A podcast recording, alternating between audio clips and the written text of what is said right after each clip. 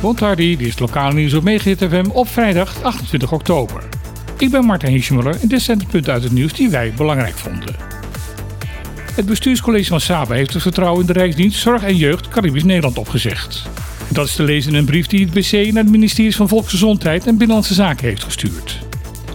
Het college stelt daarin dat het contact met het ZJCN altijd uiterst hartelijk en vriendelijk is geweest, maar dat deze gesprekken nooit tot een noodzakelijke veranderingen hebben geleid. De klachten over stagnatie in het verwijzingsproces en de weigering van medische noodzakelijke behandeling in het buitenland blijven daarom aanhouden.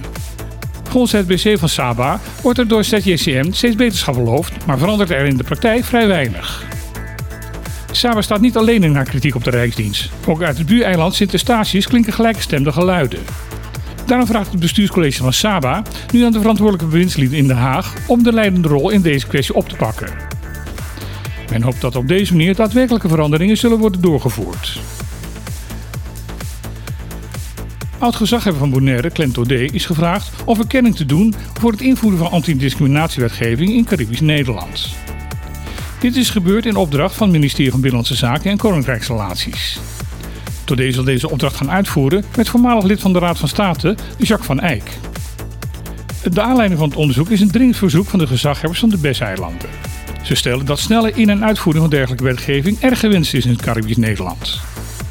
Het gaat hierbij om wetgeving die discriminatie en achterstelling wegens geloof, ras, seksuele geaardheid, handicap of geslacht strafbaar stelt. Dat kan dus gaan om werknemers van verschillende seksen die niet hetzelfde betaald krijgen voor hetzelfde werk. Maar ook om een winkeleigenaar die een klant met een lichamelijke beperking de toegang tot zijn zaak weigert. Van 2 tot 13 november zal de heer Todé alle drie de eilanden gaan bezoeken om samen met alle hierbij betrokken partijen te inventariseren waar de pijnpunten en de wensen liggen. Daarna zullen Todé en Van Eyck de Tweede Kamer informeren over hun bevindingen. Deze week heeft Tourist Corporation Bonaire haar eerste Cruise Town Hall meeting gehouden.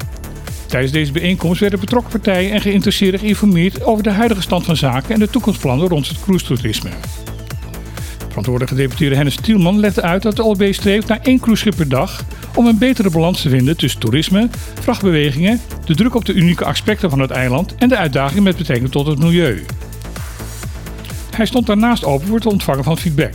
Zo kreeg hij vragen over het verbeteren van de faciliteiten op het cruise terminal en betere bewegwijzing op het eiland.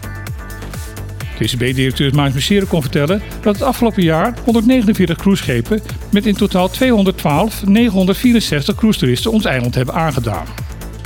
Hij besteedde ook aandacht aan de lancering van de nieuwe website van TCB en het nieuwe wifi-project. TCB wil deze meeting voortaan elk jaar gaan houden. Dat daar aardig over is, bleek uit het feit dat deze keer 70 belangstellingen erop af waren gekomen. Voorlopig is het orkaanseizoen op Bonaire nog niet ten einde. Begin volgende week zal er weer een tropical wave Bonaire gaan passeren. Dit keer ten noorden van het eiland. De kans is dat voor die tijd de depressie is uitgegroeid tot een storm, is met de huidige voorspellingen niet erg groot. Wel zal de passage weer gepaard gaan met de nodige regen en is de kans op wederom een windreversal vrij groot. Deze zal al vandaag merkbaar kunnen zijn. Daar moet tot het begin van volgende week rekening gehouden worden met een stevige golfslag op de westkust. De kans dat de depressie na de ABC-eilanden zal uitgroeien tot een storm of meer is vrij groot. De bovenwindse eilanden zullen in dat geval te maken gaan krijgen met zwaar weer. Dit was weer de laatste nieuwsuitzending van deze week. Morgen is het tussen 12 en 2 weer het programma op de klip op deze zender. Tafelgast is dan gedeputeerde James Kroon. Verder zullen twee artsen van de dienst publieke gezondheid komen uitleggen waarom de nieuwe boosterprik tegen COVID erg belangrijk is.